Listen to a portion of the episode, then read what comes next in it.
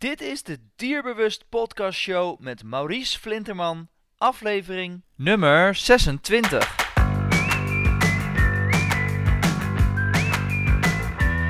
Welkom bij de Dierbewust Podcast Show, waarin je luistert naar experts die je voorzien van de beste informatie, tips en tricks op het gebied van honden. Vandaag gaan we in gesprek met Marijke Hegemans. Zij is in 1987 afgestudeerd als humaan fysiotherapeut en tot op heden nog steeds werkzaam in een kleine dorpspraktijk. In 1996 heeft ze haar eigen dierofysiotherapiepraktijk uh, is ze gestart en heeft ze ook de studie afgerond. En is ze haar eigen praktijk begonnen waar ze hoofdzakelijk honden en paarden behandelt en soms een kat of een knaagdier. Marijke heeft zelf twee honden en drie paarden en ze is erg blij met haar baan, omdat ze van haar hobby haar werk heeft kunnen maken en andersom. Ik wens je heel veel uh, luisterplezier.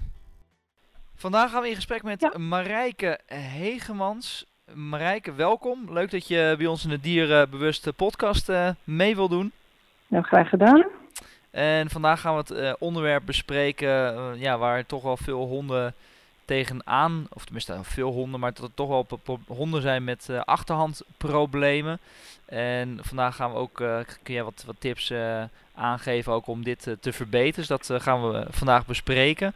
We, ja, zoals ik net al zei, we zien dit vaker in de praktijk. En ik denk jij helemaal. Een hond die bijvoorbeeld door zijn achterhand heen zakt. En in zijn rug merkbaar pijn heeft. Of honden die zelfs heel anders gaan lopen doordat ze iets in hun rug voelen of ervaren. Um, wat is volgens jou de oorzaak van achterhandproblemen bij honden eigenlijk? Um, eigenlijk kan je het wel een beetje verdelen in twee, um, ja, twee delen, twee categorieën. Dus je hebt bijvoorbeeld overbelastingsklachten en degeneratieve klachten. En het eerste, dus de overbelastingsklachten, die zien we vaak op jonge leeftijd bij honden, waar eigenlijk te vroeg te veel van gevraagd wordt. En dat betreft vaak actieve honden die um, zeg maar moeilijk te, te, remmen zijn of te temperen zijn. en dan heb je bijvoorbeeld de border collies die tegenwoordig heel populair zijn, sporthonden zijn. Ja. En daar, um, in dit ras zeg maar, merk je gewoon dat die honden um, vaak ook wat te snel ingezet worden in een sport. Omdat ze zo graag werken, dan denk je dat ze ook snel heel veel aankunnen. En dat we zijn, ja, hier bij deze honden vinden we heel vaak overbelastingsklachten. Ja, omdat je... En die klachten uiten zich, uh, ja, zeg maar in stijfheid en kreupelheid van het achterlichaam. En uh, dat is dan meestal een overrekking van banden van de wervels. Of andere dingen, maar in dit geval gaat het over de rug. En dan zie je dus wel uh, ja, behoorlijk ja, klachten. Ja, wat, wat heel naar. Dus je geeft eigenlijk twee uh, dingen aan, hè? twee categorieën. Dus ook uh, degeneratieve uh, klachten. Kun, kun je daar wat, wat meer over vertellen? Ik denk niet dat iedereen dat wat zegt. Dat meer zeg maar de aandoeningen die als um, oh, ja, slijtage dingen, zeg maar. En dan heb je, die kan je ook weer onderverdelen. Dan heb je spondylosis deformis, die we dat noemen. Dat zijn de uh, eigenlijk in de volksmond de slijtage van de wervels. En dan langs de rand van de wervellichaampjes, dan krijg je van die um, uitsteekseltjes, van die uh. En die krijgen dan de vorm van een haak. En die kunnen zich um, uh, zeg maar op een gegeven moment zo groot worden dat ze twee werveltjes overbruggen. En waardoor de wervels niet meer de, de gewone beweging hebben die ze normaal wel hebben. En die bewegelijkheid neemt dan steeds verder af, waardoor de rug op geen moment helemaal verstijfd kan worden. Ja. Maar ook die tussenwervelgebiedjes kunnen vergroeien.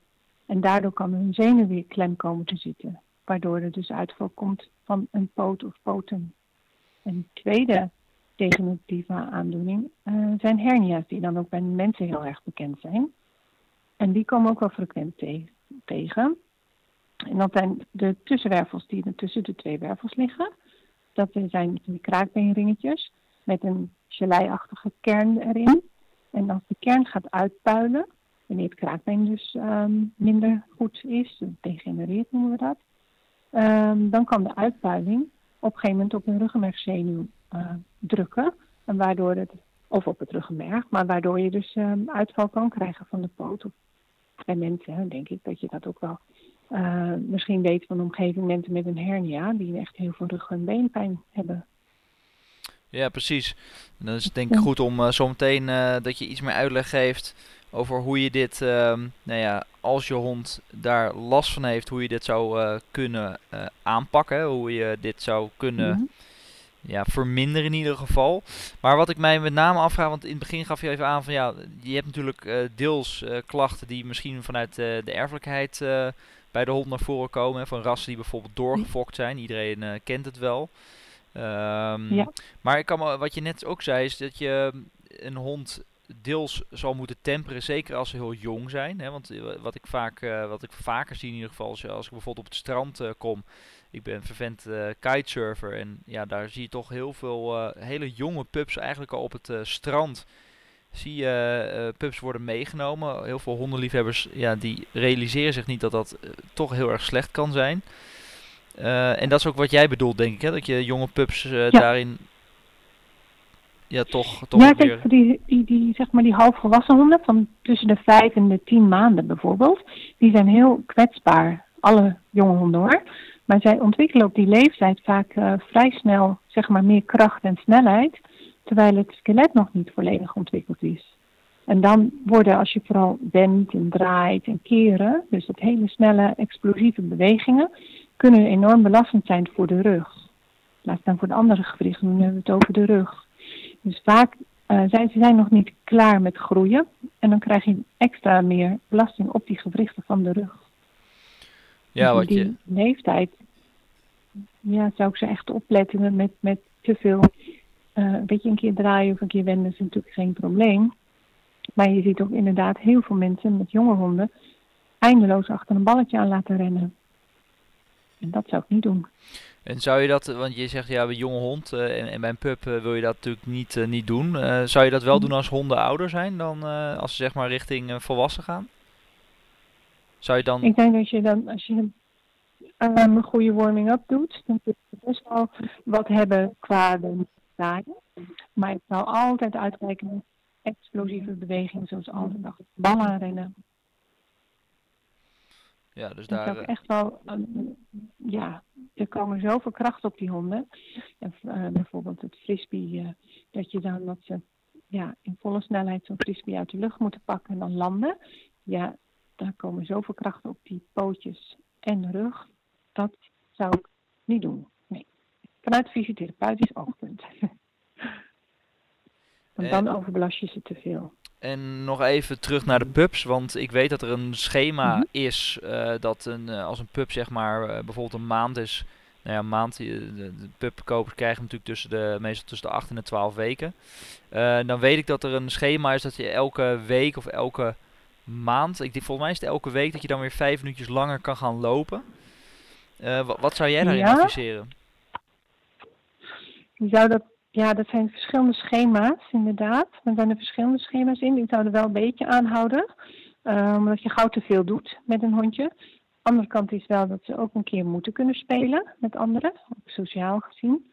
Um, ik zou niet hele lange afstanden doen. Ik zou niet lange, uh, dus lange wandelingen bijvoorbeeld met de pup, dat is uh, uit de boze. Um, en kleine, kleine stukjes pakken paar minuutjes of vijf minuutjes en dan weer een lange pauze. Dat ze goed kunnen slapen. Dus ze moeten echt heel veel rusten. Dat wordt vaak vergeten. Ja, precies.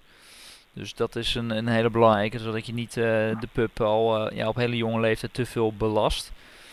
Um, en stel dat, je, um, dat een dierbewust luisteraar wel een hond heeft met bijvoorbeeld een zwakke achterhand. Uh, zakt door zijn poten heen of heeft zelfs een verlamming, hè, wat je net al eventjes aangaf aan, aan de achterhand. Wat zou je mhm. zo iemand uh, adviseren? Ik zou het eerst adviseren om uh, echt eerst langs de dierenarts te gaan. Om bepaalde dingen uit te sluiten en verder onderzoek te, te laten verrichten. Omdat je eerst moet weten wat is um, de oorzaak. Um, want ik had het net over degeneratieve oorzaak of de overbelastingsoorzaak. Maar je hebt natuurlijk ook nog oorzaken aan het zenuwstelsel, bijvoorbeeld. Ik heb vast wel eens van DM genoemd, gehoord. Ja, absoluut. De degeneratieve myelopathie. Ja. Een uh, erfelijke afwijking. Dat is bijvoorbeeld ook weer iets wat mee zou kunnen spelen. Dus um, ja, dat is dan wel heel belangrijk om uh, dat uit te laten sluiten. En eventueel een pijn, um, ja, pijnbehandeling te kunnen geven aan de hond qua medicijnen of wat ze ook willen doen. Um, medicatie of prednison om zwellingen te laten remmen. Ehm, en dat moet natuurlijk een dierarts doen. Dat zou de eerste stap zijn als jij je hond ziet minderen of slechter ziet lopen of een zwakke achterhand heeft. Dat zou de eerste stap zijn, moeten zijn. Ja, nou, jij bent natuurlijk eh, fysiotherapeut, dus ze zullen ongetwijfeld na deze stap, als er mensen bij de dierarts zijn geweest, zullen ze natuurlijk bij jou terechtkomen van ja, Marijke, uh, ja, mijn hond heeft, uh, heeft problemen. Hè? Dat kan natuurlijk van alles zijn, uh, achterhand verlamming, maar laatst ken ik ook een hond die bijvoorbeeld incontinent werd. Ja, dat zijn natuurlijk ja. Ehm, gevolgen van sommige gevallen dat de achterhand inderdaad verlamd of geklemd of iets is. Hoe, hoe ga jij daar in de praktijk dan mee om? Ja, meestal krijgen wij dan een, een brief of een mail of een, een bel van de dierenarts. En dan krijgen wij ze dan doorverwezen, net als uh, zeg maar in de humane fysiopraktijk. En uh, wij onderzoeken hem dan helemaal weer, dus echt op het lichaam, dus op het, wat wij noemen het bewegingsapparaat. Dus de spieren, de pees en de gewrichten, die lopen wij dan af. En kijken of er dan ja, ja, veranderingen of verschillen zijn links en rechts. En dan kunnen we therapie geven. En de therapie bestaat vooral met um, bijvoorbeeld spierversterkende oefeningetjes voor rug- en buikspieren om die sterker te maken, bijvoorbeeld bij herniahonden. Uh, het soepel houden van de rug, dus mobiliserende oefeningen. Links, rechts, uh, buigen, strekoefeningetjes van de rug. En die kan je dan laten zien en mensen huiswerk meegeven. Um, verder geven we loop- en trainingsschema mee wat de hond wel en niet mag.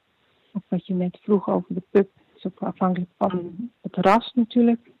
Uh, de zwaarte van de hond, nou, noem maar op. Heel veel honden zijn ook, uh, hebben overgewicht, daar moet je ook op gaan letten en ja, merkbaar maken.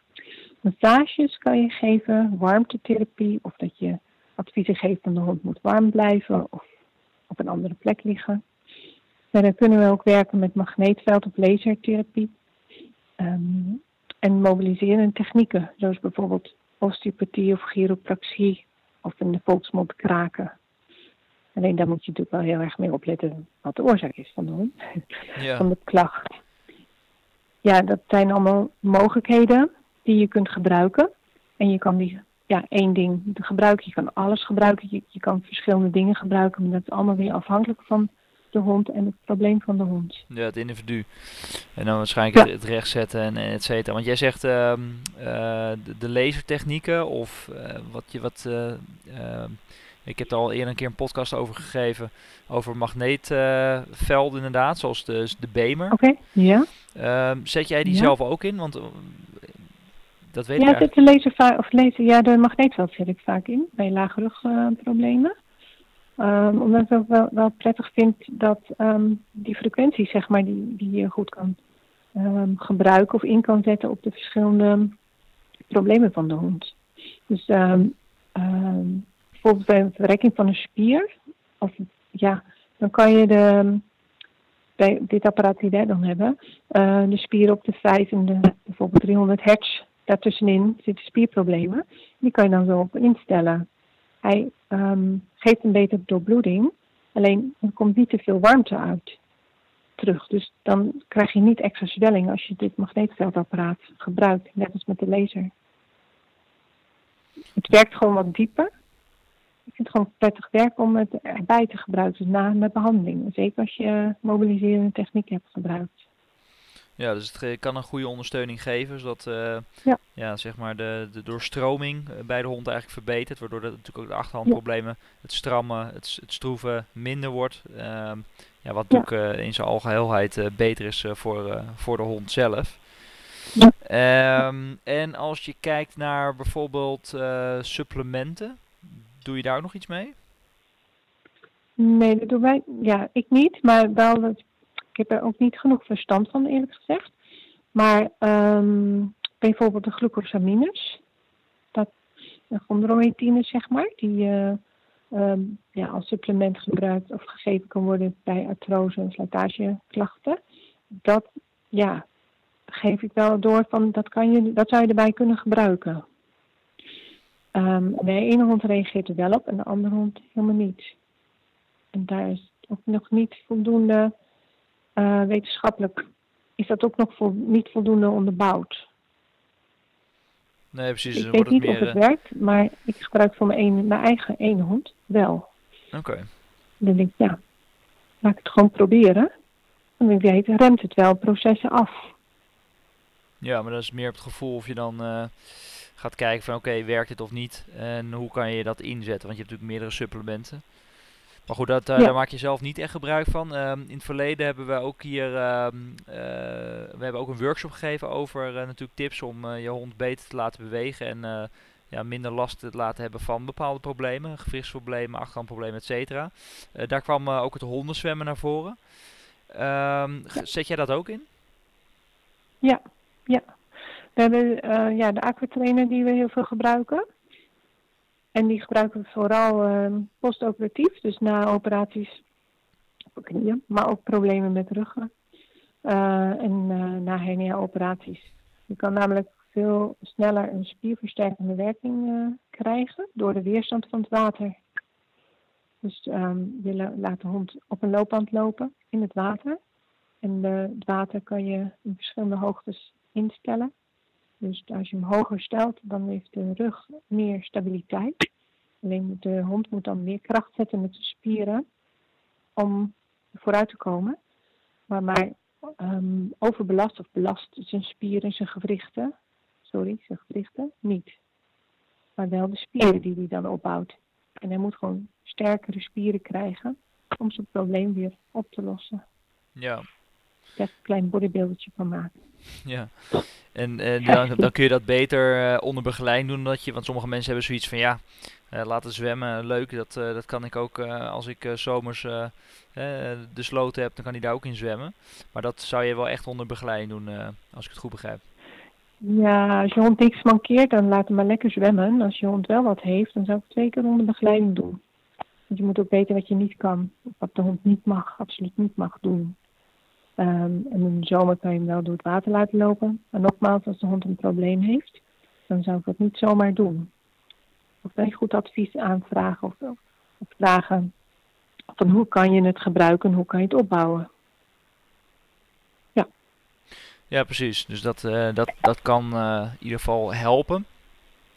Om, ja. uh, om de achterhand in dit geval dan van de hond te trainen om hier natuurlijk uiteindelijk minder last van te krijgen. Want ja, er zijn natuurlijk uh, problemen bij honden die ook niet altijd helemaal op te lossen zijn. Hè? Kijk naar de, de erfelijke nee. af, afwijkingen. Uh, ja, dan wordt het denk ik wel wat lastiger. Dan kun je hem natuurlijk wel altijd ondersteunen. Maar ik denk niet dat, uh, dat elke hondenliefhebber die een hond heeft met achterhandproblemen bijvoorbeeld of overige problemen, dat ze misschien direct aan een fysiotherapeut denken. Omdat natuurlijk ja, het kan natuurlijk qua kosten best uit de hand lopen als jij al bij de dierenarts bent geweest. Misschien al bij een specialist, hè, waar je foto's hebt laten maken, et cetera. Ja. Waardoor mensen zeggen van ja, ik heb nu zoveel geld uitgegeven. Uh, financieel red ik het even niet om ook nog eens naar een fysio te gaan. Ja, klopt. En zeker ook als ze geopereerd zijn. Dan zijn, uh, ja, dat zijn zulke hoge kosten, alles bij elkaar. En dan, ja, het beste is gewoon net als een maan ook, om weer te revalideren. En dat beste is dan bij een fysio, omdat die er verstand van hebben hoe revalideer je de hond. Maar inderdaad, wij komen dat veel, heel veel tegen. Ook collega's van mij, dat uh, mensen dan zeggen, ja, het wordt me gewoon te veel. En dat begrijp ik ook hoor. Ja, precies. Uh, het ja, kan natuurlijk uh, een dure hobby worden op die manier. uiteindelijk ja, gaat het natuurlijk ja. om de gezondheid van je dier. Maar ja, anderzijds moet je natuurlijk financieel moet je het ook kunnen bolwerken. Um, even in het begin, uh, Marijke, want in het begin gaf je aan van ja, we hebben ook een lijst uh, van uh, bepaalde dingen die hondenliefhebbers beter niet kunnen doen. kun je daar een aantal voorbeelden van, van noemen? Ja, ik denk wel van, dat je echt absoluut rekening met de leeftijd en het ras van je hond moet houden. En luister naar je hond. Hè. Als de hond aangeeft ik kan dit niet of ik wil dit niet, dan zegt hij dat niet voor niks. Um, een halsband bijvoorbeeld vind ik heel erg, um, ja, als je niet goed gebruikt, heel um, gevaarlijk, zeg maar. Dan zit zo dicht bij de keel, er zitten zoveel belangrijke um, onderdelen van de hond. En ben dus bij ons in die keel, in het keelgebied. en als ik soms zie hoe mensen met hun halsband omgaan, dan denk ik, ja, geen wonder dat die honden klachten krijgen aan de luchtwegen, de, de nek, noem maar op. Ja, het is echt bizar. Ehm, ook als je ziet hoe sommige mensen inderdaad uh, het zelf niet doorhebben, maar die ook al pups die al zo erg in die lijnen hangen en zo'n optaten krijgen uh, op die keel, hè, waar natuurlijk ook uh, schildklier een problemen weer bijvoorbeeld door kunnen ontstaan. En mensen die zelfs nog inderdaad, vroeger was het natuurlijk sowieso, hè, hadden ze een slipketting om en dan werd er ook nog wel eens fors aan de nek gerukt. Ik moet heel eerlijk zijn, uh, toen ik, uh, denk wel 15 jaar geleden inmiddels alweer, uh, heb ik ja, ook een slipketting omgehad bij mijn hond. En was dat natuurlijk ook de methode. Nou, die is gelukkig inmiddels ontzettend achterhaald. Maar ja, van slipketting naar halsband, ja, zien we nog liever... zie het nog. En ja. vaak onwetendheid inderdaad. Ja, dus we zien dan liever de overstappen richting een tuig bijvoorbeeld. Ja, goed passend tuig natuurlijk. Ja. Maar nogmaals, het is veel onwetendheid van mensen en ook een soort gewoonte om die hond maar weg te rukken. En daar komen zoveel klappen op die nek. Dat, wij komen toch wel heel veel nekklachten tegen bij deze honden. Verder ja, er echt rekening houden met de bouw van de hond. Dus als jij bijvoorbeeld de sport ingaat met een hond. Um, een border collie kan natuurlijk prima behendigheid uh, lopen.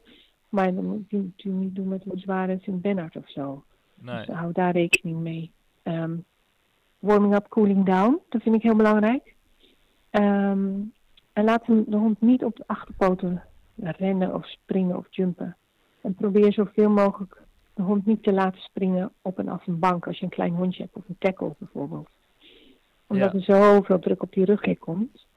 En het springen, waar we het net ook al over hadden, hè, dingen uit de lucht uh, vangen, dat, ja, dat is ook gewoon zo zwaar voor een hond en sowieso voor de gewrichten. Ja, ja. ik denk dat mensen gewoon, ja, ja, als belangrijke aanvulling wil ik daar eigenlijk nog op geven is uh, trappen. Vind ik ook altijd een hele belangrijke. Want uh, ik begreep, uh, tenminste dat heb ik ook van horen zeggen, ik weet niet of het misschien dat beamen, dat een trap oplopen, dan komt al het gewicht op de achterpoot dat het wel meevalt. Maar met name de trap af, omdat al het gewicht dan op de voorpoten komt. Tot dat heel erg destructief blijft te zijn voor, een, voor een hond. Dan kun je hem beter tillen. Ja, zeker een trap op kan best. Geen probleem als het maar langzaam doen een trap af is inderdaad veel bezwaarder. En dan komt al het gewicht. Dan zit al meer gewicht op die voorhand bij een hond. Dus uh, ja, zeg maar um, twee derde überhaupt staat al op de voorhand. En dan ga je de trap aflopen en komt eigenlijk alles op die voorpoten. En zeker als ze in de groei zijn, zou ik dat zo min mogelijk laten doen. De trap op mag wel. Ja. En dan langzaam. Ja, precies. Langzaam. En, en hoe zie jij dat dan bereiken met een hond uh, die de auto, uh, de achterbak in en uit springt? Het hangt natuurlijk ook een beetje af hoe hoog, uh, hoe hoog je auto is, maar ik kan me voorstellen dat dat, ja, als jij twee, drie keer per dag met je hond naar het, naar het bos rijdt bijvoorbeeld. Dat is ook weer een grote um, afsprong of opsprong. De in gaat dan nog wel, maar de uit is dan weer zoveel krachten op die voorhand, tot op die voorpolsen. Dus als je dat zou filmen, zeg maar, dan zie je echt die polsjes zo door klappen. Ja. Als daar een keer een blessure aan zit dat hij overrekt, dan is dat gewoon eigenlijk niet meer te behandelen. Dus ik zou de hond dan helpen eruit te springen of met een loopplank gebruiken in je auto. Ja, precies. Ja, wat ook nog wel een handig middel is, vind ik zelf, als je een tuig hebt, dat je bijvoorbeeld het K9 thuis natuurlijk bekend om. We hebben ook nog een review op de site van gegeven dat je hem aan het handvat uh, vasthoudt en dat je hem zeg maar, ja, als het ware mee begeleidt, waardoor niet al die druk uh, ja. Uh, op die voorpoten ontstaat. Um, kan je hem ook zo helpen. Ja, precies. Een kontje geven of uh, je leert ze met de voorpootjes op de, ja, op de, ja, de bumper zeg maar te staan en dan help je met de achterhand naar binnen. Ja, dat, is, uh, dat zijn uh, goede, goede dingen inderdaad. En je, je had het net eventjes over een uh, warming up en cooling down. Kun je daar nog wat voorbeelden van noemen wat je daar precies mee bedoelt?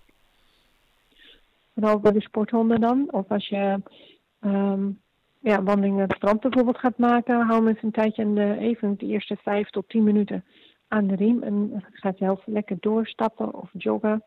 Uh, dat de hond gewoon een beetje opgewarmd is in plaats van koud uit de auto, riem los en gaan achter die ballen aan. Of meteen een, je, je training volgen.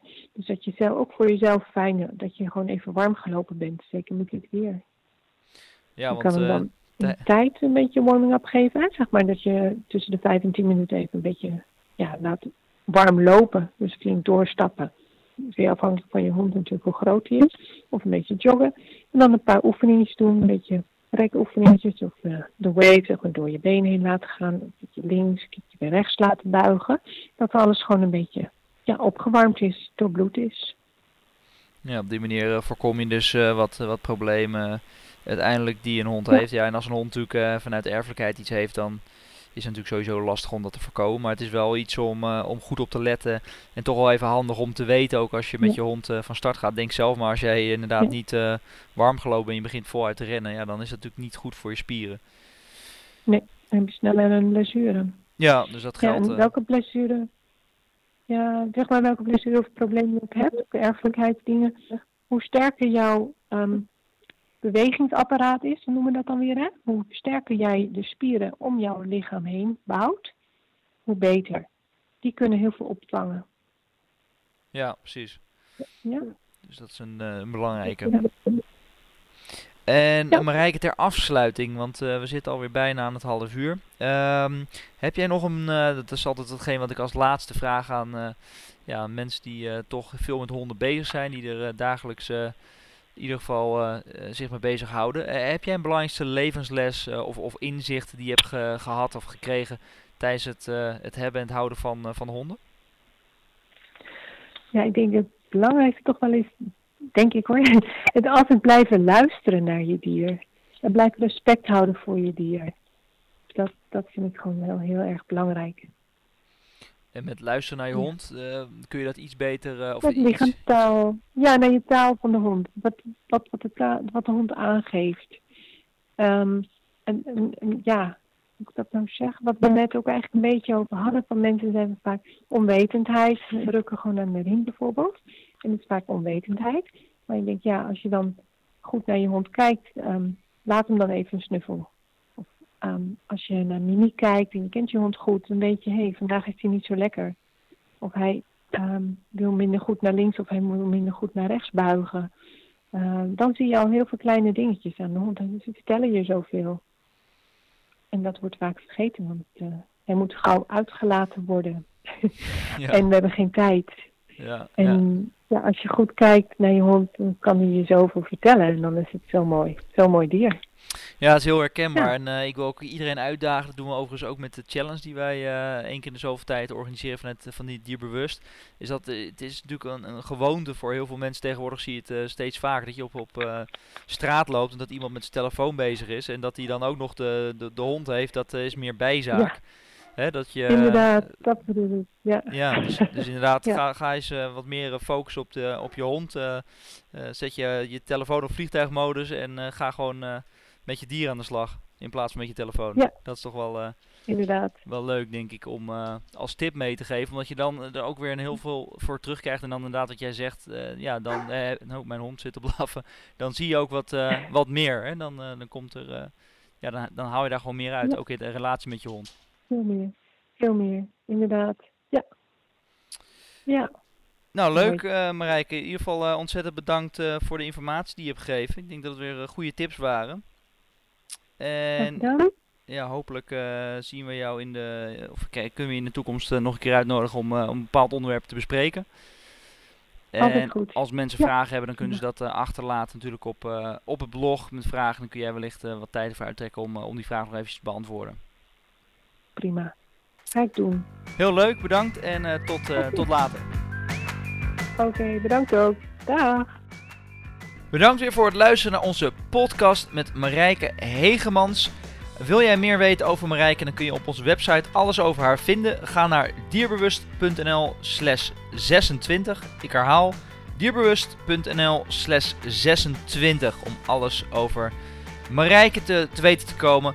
Mocht jij nou interesse hebben in de dierbewust omgeving, wil je ons steunen en wil je alles weten, te weten komen over jouw hond, wil jij vragen kunnen stellen in ons, uh, op ons forum, maar wil je daarnaast ook een e-learning omgeving hebben met heel veel interessante workshops. Workshops die je, uh, de herhalingen die je kunt volgen, maar ook nieuwe workshops die we elk om de twee weken geven. Ga dan naar dierbewust.nl slash lid, word daar lid en zie wat er allemaal voor jou te doen is. Ik hoop jou volgende podcast weer terug te hebben en tot snel.